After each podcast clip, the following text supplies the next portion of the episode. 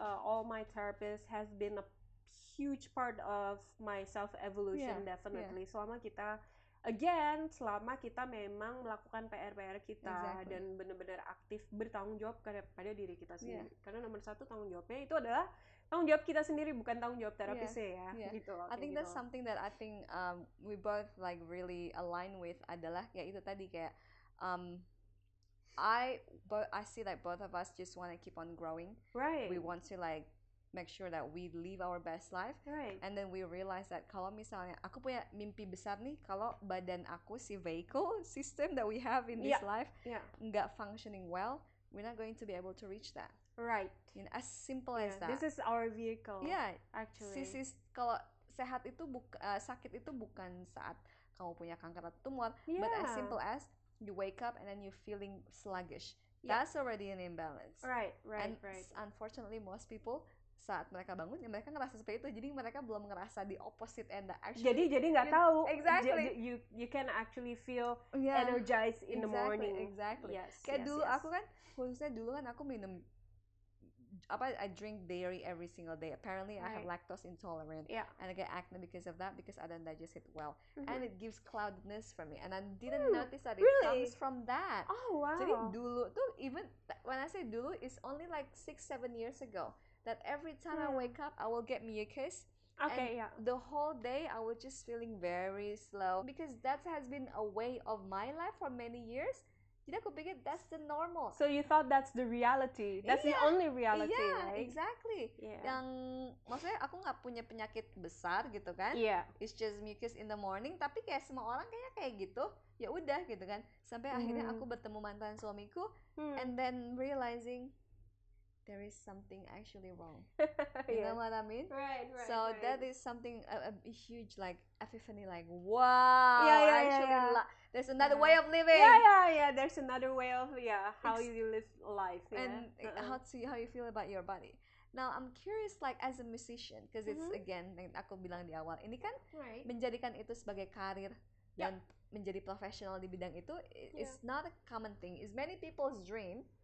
Tapi nggak common kan No. like to make that as a reality No. of course yang positifnya adalah you get paid to do the things that you love Right. what's the other positive side and what's Mhm. also the downside that most people doesn't actually see in real life in in on instagram live for example um positive life i think yeah the most positive the most positive uh, ini hal yang paling positif adalah you get you get paid and you being appreciated for something that you like you're very passionate about gitu ya. But to be honest um maybe ini satu hal yang aku pengen sedikit kasih uh, different perspective is that to be honest I aku nggak ngerasa aku nggak tahu ini bisa mewakili banyak orang or this is just me. I a lot of people think bahwa hidup berdasarkan passion itu adalah segalanya. It's not. Actually Hmm. gitu maksudku well some people uh, they don't get to choose uh, pekerjaan yang berdasarkan passionnya mereka. For me it is actually fine. If it Yeah. gets you Karena going. kan lagi musim banget kayak do the things that you passionate about. Exactly. I, aku kadang-kadang ngerasa it is overrated. I mean, it's Hmm. wonderful thing that if you can live your life based on your passion, but it does not mean that orang lain yang tidak hidup berdasarkan passionnya itu menjadi suatu hal yang buruk. I think it's also there's a courage in it as well. Gitu Yeah. maksud aku, it's fine if it gets you paid, you can pay the bills, then that's good. gitu. yeah And second of all, uh, selama aku menjalani karir aku, aku menjalani karir aku, I think almost two decades. Jadi wow that's super long buat aku. Uh, jangan berpikir bahwa it's um mm, mm, mm, mm, itu selalu indah nggak juga. Definitely ada waktu-waktu mengenai uh, ada waktu bosan itu udah pasti gitu because you keep doing pretty much the same thing. Although if my the event berbeda dan segala macam, but beberapa hal itu akan tetap sama di dalam pekerjaan gitu.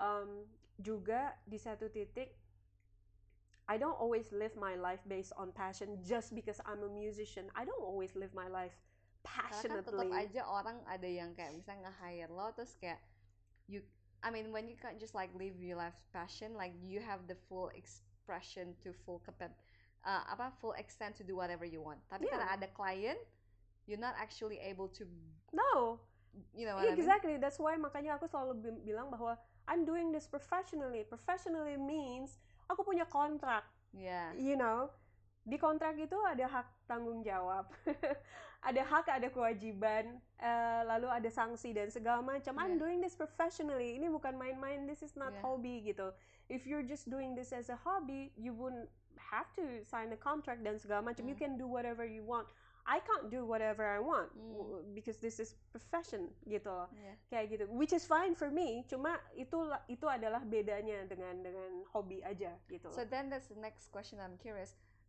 Kenapa lo masih you know that this is the price you need to pay yeah to um become professional in the things that you are passionate about. Tahu Yeah. bahwa ini ada konsekuensinya nih. right Mungkin ada klien-klien atau ada circumstances yang kayak I can't actually express fully my love for Mhm. music. Mhm. Karena kayak misalnya lo cerita misalnya ada kontrak sama TV misalnya. Mhm. Terus apalah harus gini gini yes, gini gini terus kayak technical ya, hal-hal kayak teknis. "Ah, that I don't actually like that part. right, right. Why then you still decide to stay in this path if let's say Mhm. there's a high price there's a price price to it There's- compared to I'm just gonna use do music just for the sake of fulfilling my passion. Right. Why why is it? Aku ngerasanya sekarang I have I uh, I draw a line Hmm. nowadays. Like uh, I'm I'm uh, aku uh, sekarang ini punya bound uh, apa ya uh, batasan actually. How do you call it boundaries? Boundaries, ya. Boundaries. Like misalnya gini, I will never jadi tamu talk show yang sifatnya sexist. Though sexist joke, any talk show yang ada sexist joke-nya, Kayak gimana I sih will contohnya? never. Yang misalnya, Udah lama nonton TV maksud I, I soalnya. I forgot what kind of sexist joke, but there are a lot of misalnya um, hal yang memperlakukan wanita itu hanya sebagai pajangan pemanis dan Hmm, segala macam hmm. gitu yang kayak gitu. I never like that. I Hmm. mean like no way gitu. I then I realize like okay, gua nggak akan satu nggak akan um, ada di uh, di talk show yang memperlakukan wanita hanya sebagai pajangan mani- manis-manisan lucu-lucuan cantik-cantikan Hmm. yang tidak memperlakukan uh, cewek di di level yang sama dengan cowok gitu. Or kedua, aku juga tidak akan lagi mau ada di sebuah talk show di mana uh, MC-nya memakai um, apa mempergunakan um, tamunya hanya sebagai objek untuk joke gitu loh. Hmm. like buat aku dude create your own joke you don't you don't invite a guest star so that you have material Hmm. untuk kamu bisa joke around Hmm. like I don't appreciate that gitu loh And it's uh, often Uh, dulu Practice. ada gitu and aku pikir uh, I'm not gonna do that anymore Hmm. gitu so what um, kind of job then would you like well accept? uh, misal if aku akan akan mau misalnya untuk sebuah talk show that treats me respectfully dan tidak memperlakukan uh, ta- tamunya sebagai materi objek untuk joke untuk supaya dia ada konten joke gitu loh Yeah. kayak gitu I do uh, aku juga lihat memang ada talk show talk show yang memang respectful gitu memperlakukannya respectful gitu itu oke I don't know. Correct me if I'm wrong. Is it like another side of showbiz industry? uh yeah Like a very common practice. No, it's no? actually common practice Yeah. actually. I mean, we uh, aku nggak tahu dengan sekarang ya. I, I- it's been a long time I haven't watched TV actually gitu. Uh, apa namanya? Karena I'm just I'm actually tired with the same old jokes. Uh, Hmm. apa namanya? Well, apa namanya? Cuma mm, I think back then it was a common practice basically gitu Hmm. saking commonnya we did not realize that karena kita Yes. menganggapnya that's the normalcy di sebuah acara gitu ya tapi I don't know now seperti apa gitu tapi dulu itu adalah satu hal yang uh, common terjadi So then what would you say to someone younger than you yang kayak I'm into music Mhm. dan I want to make a living from it. Iya. What would you like say to them or just probably say to your younger self Yeah. sebelum bikin decision ini yang sebenarnya if they think oh I'm gonna get paid uh, karena passion aku gitu kan Hmm. what would you want them to know before they make a decision to like Yeah. okay you can take this professionally if you have considered this this this this Yeah, I think um, first of all, having a dream is good, but you have to understand that whenever we have a dream, are you willing to take the consequences of having that dream? Hmm. Gitu loh. Whatever pekerjaan yang kita mau pilih gitu, pekerjaan impian yang kita mau pilih, sebetulnya yang menjadi pertanyaannya adalah are you willing to take the consequences jika mimpi ini menjadi kenyataan because you have to be careful of what you wish for that's I want to stop you there because this is something I often notice kebanyakan orang justru takut because of their own greatness. Not because of their weaknesses. Yes karena lebih gampang nerima Yeah. weakness dibanding kayak masa gua bisa kayak gitu? Oh you know what I mean? I often see, see people like that. They they Yeah. afraid of what they might become. The great person that they Really? might become. Oh I just knew that. Really? I saw and I noticed Really? that myself often in myself as well. Oh, karena kita really? kan kayak we I think menurut gua ini karena kita grow up in such a communal society yang mana kayak lo harus sama. Kalau lo Mhm. beda dikit you're you're not part of this community. And a huge part of us as human we want to be loved we want to feel belong kan. Right, akhirnya kemudian right. disamain gitu. So yeah. when you like bagus dikit terus kayak lo kok ninggalin kita? Right people starting to get right. envy with you because of Yeah. these possible consequences. Right. Tapi kalau di bawah lebih bawah gitu kan it's like you still part of that right tapi kalau di tinggi kayak lo kok Nah. ninggalin kayak gitu loh Iya, so that's what I notice Yeah, yeah. Jadi I always think kayak mm, having a dream is great dan Hmm. I think bahkan at a certain point kadang-kadang ada manusia yang bahkan untuk bermimpi aja nggak berani gitu ya karena udah Yeah. terlalu takut gitu maksudnya am I deserve to be like that exactly gitu dan menurut aku itu jangan-jangan budaya juga gitu kayak Yeah. kata-kata jangan ngoyo I mean I'm the kind of person selalu yang yang benci dengan kata-kata itu I think Hmm. it just it is it's empowering It- Iya, this empowering gitu. Maksudku, instead of that, how about mengatakan ke seseorang, you can have a dream as long as you work it and take consequences of your dream Iya. gitu. Instead of just jangan ngoyo gitu ya, maksudku Yeah. kayak gitu. So menurut aku, first of all, jadi kalau misalnya mau mengambil pekerjaan apa pun itu, including being a musician, kayak menurut aku nggak apa-apa mimpi setinggi mungkin tapi yang kita harus tahu adalah uh, mimpi yang di mana pun level dari mimpi kita itu akan ad- akan ada uh, uh, tanggung jawab akan ada kewajiban-kewajiban bahkan hal-hal yang tidak enak yang harus akan kita lakukan. Hmm. itu semua satu paket. Karena this is very paradoxical gitu loh. Kalau tidak bisa menerima sisi positif dan negatif dan hanya positifnya aja dan kita harus reconsider lagi gitu. Apakah kita benar mau di apa uh, hidup di karir ini gitu Iya. loh. Karena menurut aku mm, selama aku berkarir pun juga um, ada banyak saat yang misalnya uh, hal-hal yang aku tidak sukai dan Hmm. lain-lain and I have to deal with it and so- with it and some sometimes I have to just suck it up gitu loh Yeah. ada ada saat ada banyak saat seperti itu juga and second of all um, it's okay not to live by your passion it's okay Hmm. if you don't feel that you're passionate you can be just curious Yeah. gitu loh and menurut aku ternyata salah satu fitur aku eh, aku kayak kucing dalam arti I'm just very curious. I mean kalau curious curiosity aku belum eh, terpenuhi itu kayak gue nggak akan kelar nih yang satu ini. Kalau Hmm. misalnya aku belum kejar sampai aku tahu jawabannya gitu I think that's also why aku senang sekali belajar gitu. I think my friends tahu kayak ini si V seneng banget kuliah gitu ya I think it's because I'm very curious orangnya Hmm. gitu. So uh, it's okay. Misalnya at a certain point kita ngerasa udah nggak passionate lagi dengan bidang kita it is fine. Itu bukan satu hal yang salah. I think di titik ini juga aku ngerasa bahwa yang paling penting adalah it's not just being passionate it's about being honest to ourselves.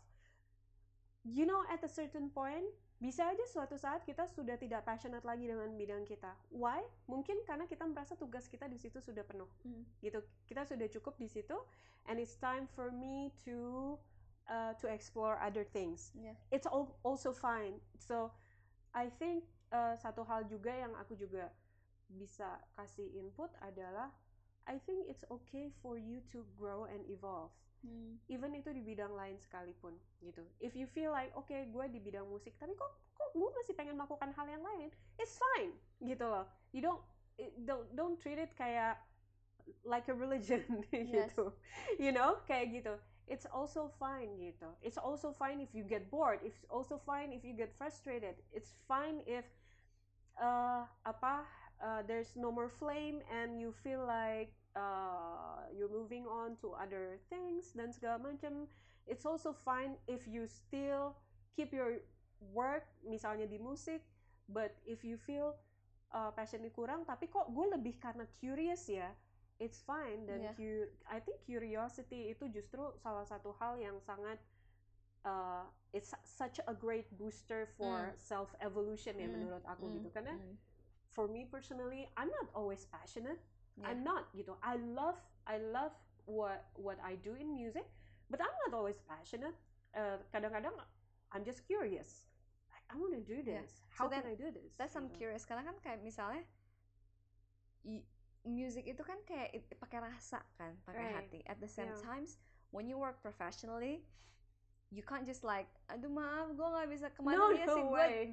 kontrak tapi lagi nggak ada rasanya, no kan nggak mungkin kan? no Jadi triknya gimana? What did you do to to still be able to like uh, kerja gitu kan, tampil tapi tetap pakai rasa walaupun Iya. sebenarnya you you weren't you you didn't feel the the the apa ya rasanya nggak awalnya nggak keluar tapi kayak lo tetap harus profesional how how you trick yourself to keep doing that is that make sense you know what I mean that's why we're called professional yeah professionally kayak oke gue bisa merasakan ini Yeah, in- you when I are- when I when I when I need to Yeah, yeah. No Wow. matter how, that's why itu yang aku bilang itulah perbedaan professional and just amateur just doing it as a yeah. hobby gitu. Professional is professional is whatever happened in your life, how shitty your life is. You have to perform well in Mm. front of the audience. Mm, You have to share your energy. You have to serve music Yeah. gitu.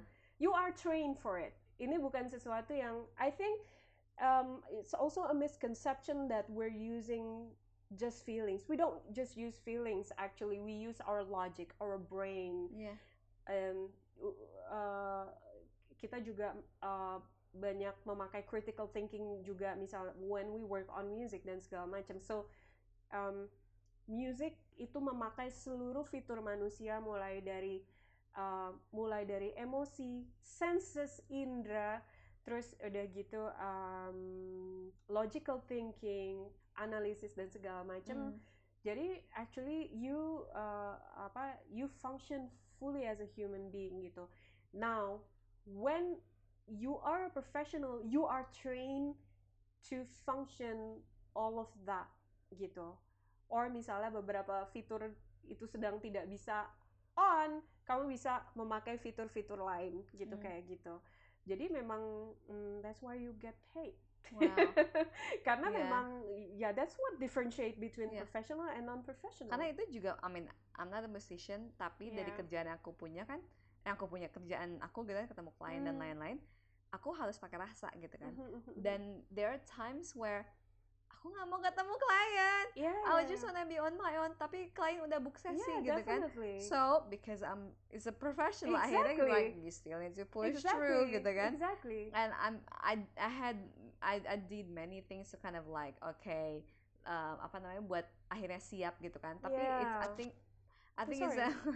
I think it's um is a matter of practice yeah, it's it's it, you know to switch on that like exactly. My father died when I was performing on stage. oh wow So you know that that level of professionalism. professionality that's know. crazy Yeah, th- that is crazy. Uh, apa? jadi lo tahu meninggal sebelum lo manggung apa gimana Nggak nggak tahu, nggak tahu. Tapi my father was in a critical condition and I have a contract I have a contract and I have to do this Yeah. gitu. Dan di satu titik um, doing my work fuels me it makes me strong. Wow. And I need this strength untuk for my father pada saat itu yeah.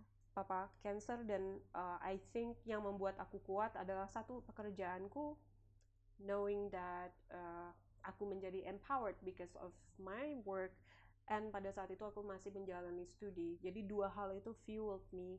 Karena pada saat itu uh, apa namanya uh, it was a very tough time for my family to to uh, apa ya uh, untuk menemani papa pada saat he battle with his cancer gitu. Wow. jadi pada saat um, when I was having a performance uh, ya papaku memang lagi di rumah sakit dan memang in a critical condition. But I did not know how critical that is gitu. Jadi uh, my father died when I was having a performance actually. Wow. jadi when kamu I- abis. I got off to the stage and my best friend tiba-tiba muncul di belakang panggung there.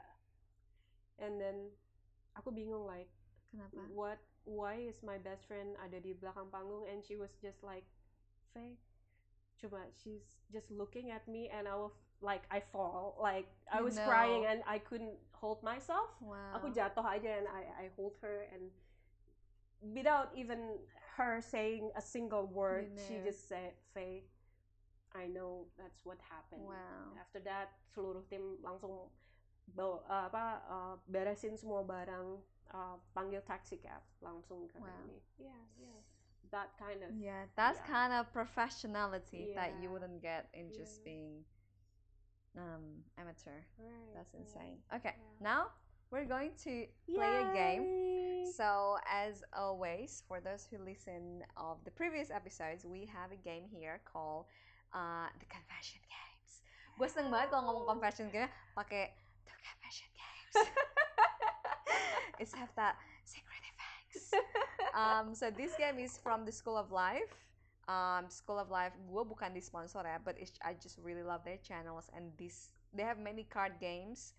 Um, this is one of the game that is my favorite. Jadi ada lima kategori. Um, jadi setiap satu kategori, satu kategori intinya semua ada pertanyaan-pertanyaan. The Mhm. question is designed to really go to the deepest, darkest oh sides of no us.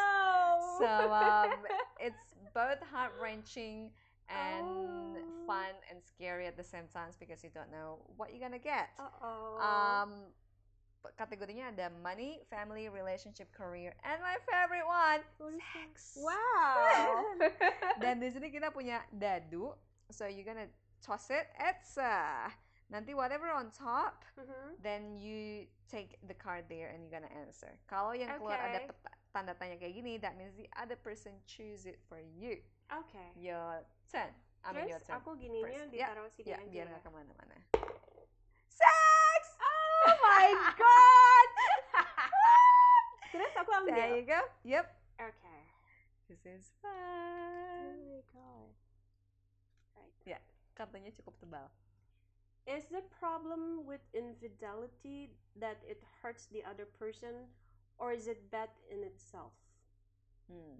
Can you explain this to So, me? infidelity kan intinya kayak um, ketidaksetiaan, kayak Mhm. including dan cheating. Alright. Yang salah masalah infidelity itu, Mhm. ketidaksetiaan itu, Mhm. itu tuh masalah karena dia nyakitin orang lain atau si act of ketidaksetiaan itu sebenarnya salah in its just in its own whether it hurts other people or not. Oh wow. See the question is like eh, what are you talking about? Okay. Wow. Let me think. I never think about this.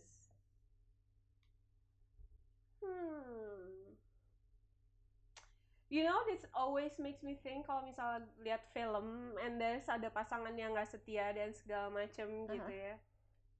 And I always have this feeling that no, apa namanya, um, you shouldn't do that Hmm. you know um, aku ngerasa jika aku melihat itu ke orang lain atau itu aku melihat ke aku it's more like karena ketidaksetiaan itu sih Iya, kalau aku si act-nya itu. the, the action of it What's with that then?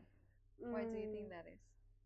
cuma nah, Walaupun the other person not getting hurt, so it's the act of gimana gimana gimana walaupun orang pasangan yang lain misalnya tidak merasa disakiti, Mhm, tidak disak- tidak merasa sakit, mhm. so for you it's still wrong anyway. Hmm, Kalau kayak wow, pasangannya never gue biasa aja sih that. sebenarnya. Okay, I never thought about that. Now that's a good question. Jadi jadi misalnya ada orang yang pasangan yang satu tidak Selingkuh setia, nih, heeh. tapi akhirnya pasangannya mengetahui hal Iya, tersebut tapi dan nggak apa-apa juga. iya nggak apa-apa. So Menurut lo itu masalah nggak sih? Tetap masalah nggak sih si tidak setia itu? Atau masalah karena someone get hurt? hmm, kalau sekarang ya dalam waktu yang tidak berlama-lama untuk berkontemplasi. Ini ada ada ada ininya dulu, ada Pulang-pulang disclaimernya dulu ya. Pulang-pulang langsung let me think about that Eh, question. ini disclaimernya karena ini harus menjawab dalam waktu yang sekarang. Kalau eh, kalau aku ngelihat jika misalnya case-nya si pasangannya ternyata nggak apa-apa juga gitu ya.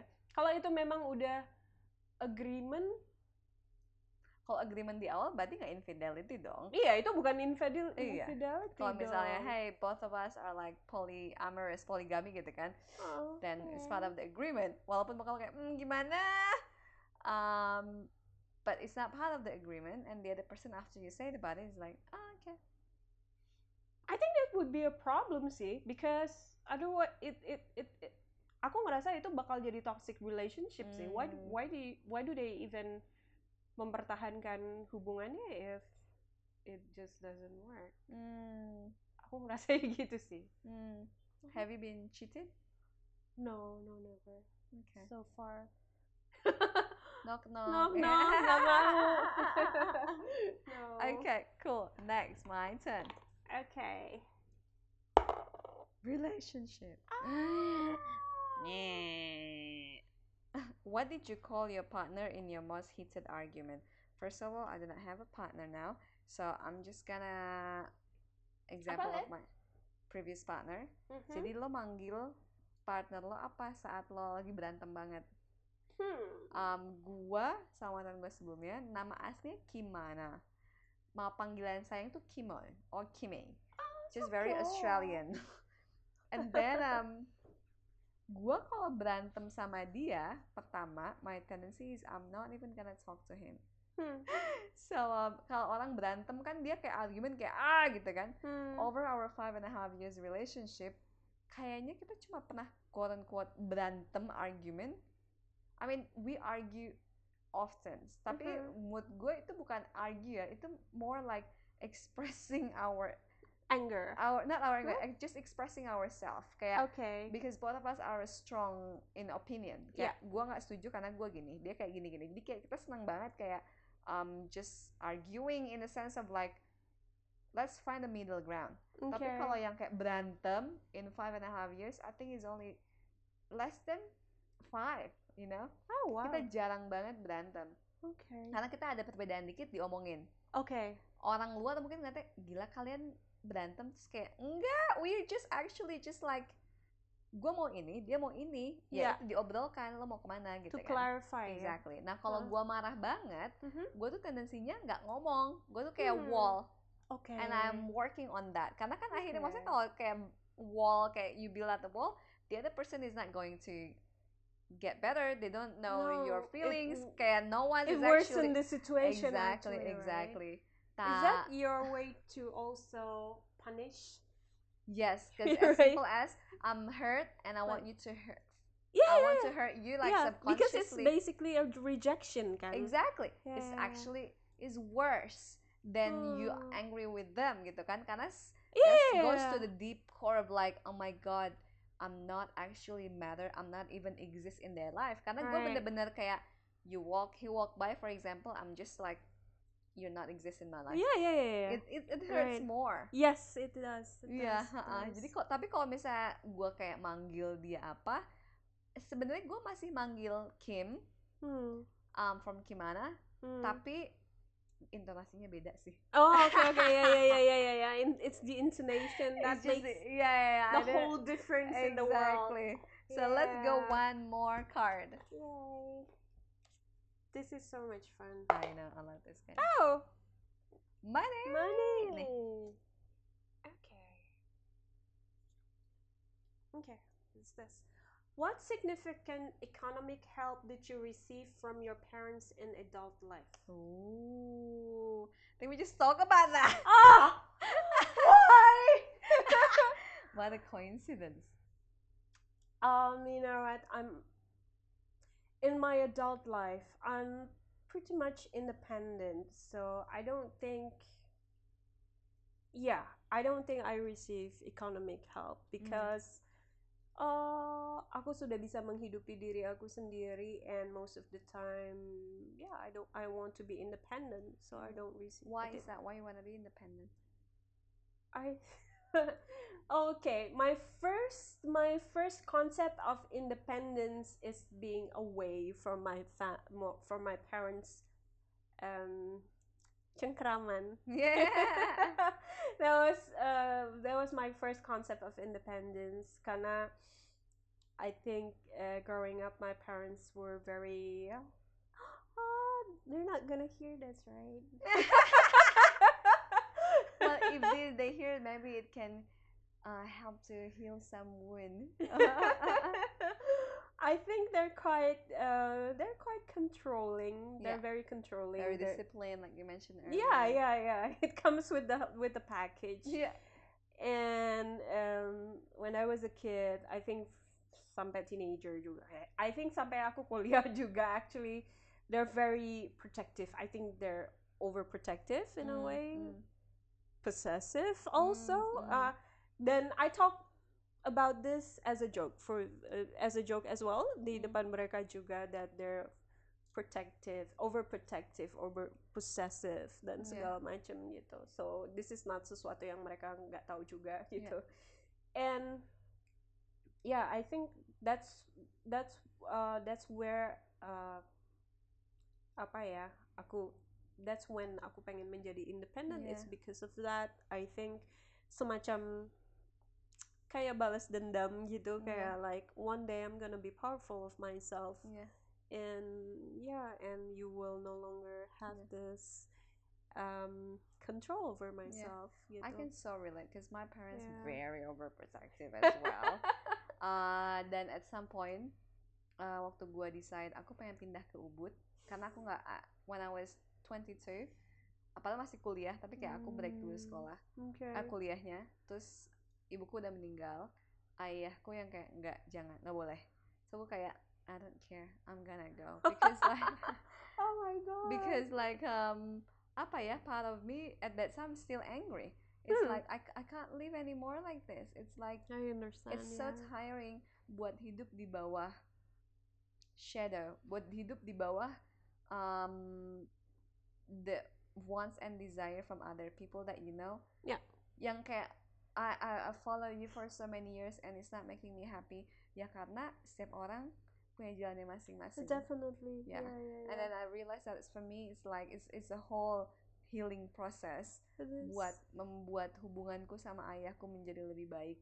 Um, is actually only these years and because of the separation with my former husband Hmm. that somehow that leads me to like you haven't that it's like one of the deeper thing that Mm. this relationship ended ending trigger is that I haven't finalized my issue with my dad all this time I was running away so I'm Wow. grateful for my yeah. marriage separation karena karena dengan itu aku jadi tahu baggage apa yang belum aku beresin so um and one of the thing I did for my dad was like um aku ngumrohin dia and I do so many other things and that somehow bring more closure right. and more peace to our relationship and Mm.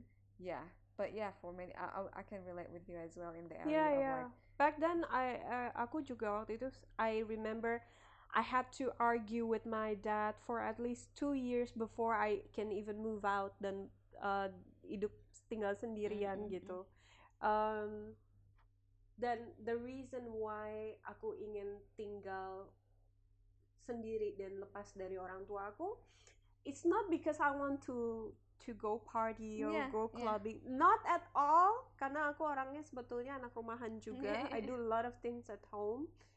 Um, tapi actually to just have a space for myself where I can respect myself, Hmm. my decisions, uh, and just to be myself gitu. Mm. I think like I know that parents uh, did their best berdasarkan pengetahuan mereka dan experience mereka dalam hidup, but I think I didn't apa ya, aku menuntut keadilan untuk diri aku sendiri so I can Hmm. breathe Yeah. gitu sometimes I felt that aku tidak bisa bernapas when I live with Yeah. them because they always have this apa ketentuan on how you have to live your life dan segala macam gitu. That's interesting point of view. Kayak um, ke- apa ya karena AC ini very forced communal value yang Iya. akhirnya orang terbiasa bikin orang lain buat expect orang lain termasuk anaknya salah satunya big thing to fulfill their own happiness. Exactly. Um, which is what I think I work on know, that with my therapist for a very long time. Yeah. Yes. It's like yes. terus kemudian jadi cycle. Jadi saat kita kemudian punya relationship menikah dengan kayak lo harus bikin gue happy. yeah, they, yeah, you Compared- expect your Yeah. uh, your your partner. compared to like we all need to learn gimana caranya menjadi bahagia tanpa siapa pun exactly. membuat diri kita bahagia sendiri Exactly. that's a huge And- homework for yes. everyone That's very true. Yeah. Very true. last one Yay. career oh my god Ah, okay. what business do you dream of starting ya Tuhan banyak banget ide Really? gua Um, dari kecil tuh aku orangnya emang very business oriented Oh. not because I love to make money, tapi sebenarnya karena in the deepest deepest part of me, my desire is aku pengen mengerti orang. Like what you said earlier. Mhm. Salah satu interest aku yang paling dalam adalah aku cuma pengen mengerti human being. Yes. What makes he, this human kayak gini? Kenapa dia Yeah. lucu? Yeah. dia bisa banget sama ini gitu kan? Right, right. Dan itu kan caranya banyak kan. Maksudnya buat Yeah. mengerti ada yang jadi psikolog apalah. Buat aku caranya adalah lewat bisnis. Kenapa? Oh. misalnya nih lo punya produk terus lo bilang Yeah. sama orang Right. ah, terus orang kayak bilang iya ya produknya menarik ya gitu kan yeah. but until they give you their money Uh-huh. your product is not actually good which Yeah. shows that you don't actually understand them well Okay. jadi Oh, kayak wow.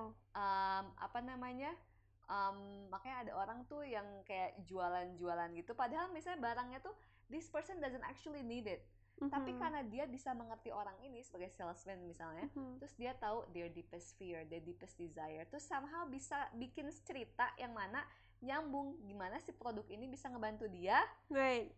and that person buy, terus Yeah. kayak nyampe rumah kayak ngapain gue beli ini ya, Yeah. tapi somehow mereka terjual dengan ceritanya kan, Yeah, yeah. that's that's that shows that this salesman Oh. know exactly about this person. Jadi kalau buat Wow. aku sih I I use business as a tool for me to un, uh, like one my outlet to help that can my outlet to understand people. Hmm. So what business do back again? Do you dream of starting? Are already in the process of doing the business quote unquote that I've been dreaming for so long. Yeah. Um, which is this podcast is part of it. Ah. I mean, not the business on making the money itself, Yeah, yeah. I mean, business is basically like what the project that I want to bring forward. yeah, that's so true. um, it's on the process. So you guys will see it will be unfolding over time.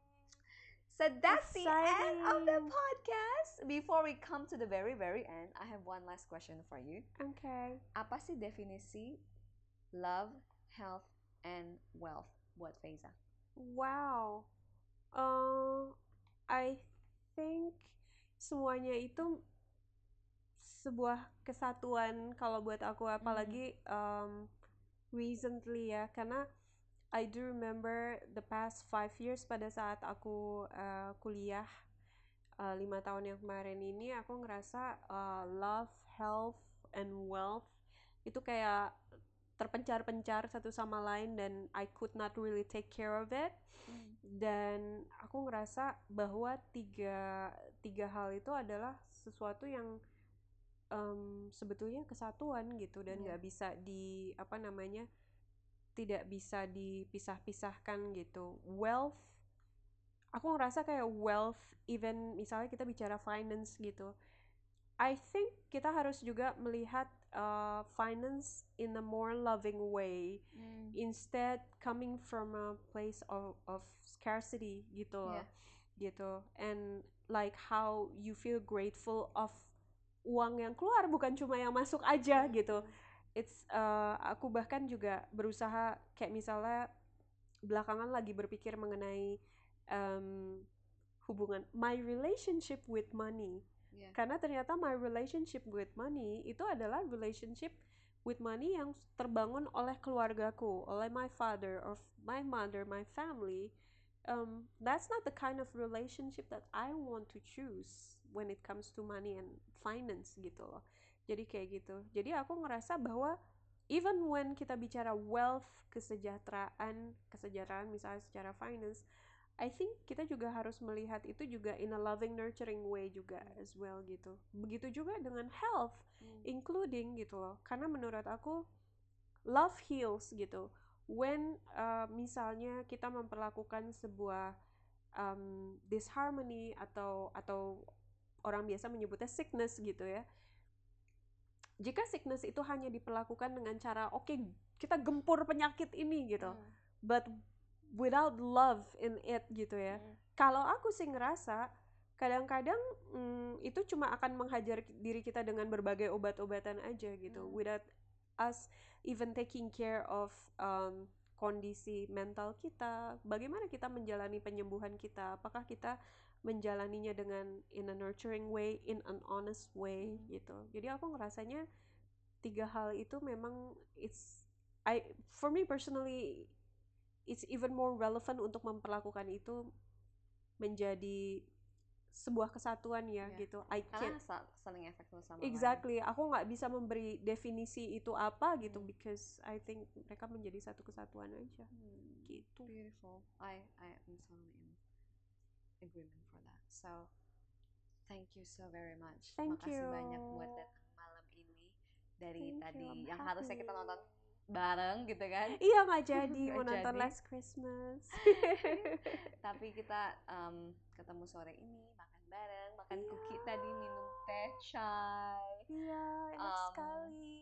Ah, it was so good, wasn't it? So good. So, ya makasih banyak buat datang dan Thanks for I want to give me. you oh my very pleasure. I also want to like give you acknowledgement for the things that you do. Oh, Um, I know that we haven't shared a lot of quality time together. um, just because I just moved here, yeah. amount of quantity wise, but at the same time, hearing your stories of your life, your relationship, your um, your stories about the one that you want to move to Australia Yeah. and all the other dreams. This is from all this story. I I decided that I wanted to interview you because jarang banget gue ketemu orang Indonesia yang sangat they're very faithful on their dreams. Hmm. Khususnya di society kita yang kayak alah nggak usah ngoyo yang lo bilang. Iya. Hmm. Terus kayak ya udah give up gitu kan.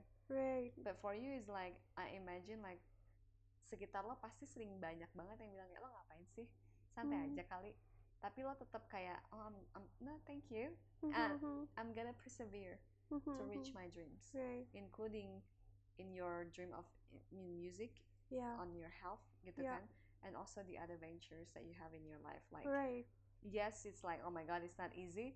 Yeah. Somehow you persevere and you keep doing it. Yeah. And I just hope that there is more people, lebih banyak orang yang punya kualitas seperti itu, yang Oh. nggak cepat give up Yeah. cuma karena ada struggle sedikit. Right. Right. so right. um, thank you for being that living example. Thank you. Thank you. Thank you.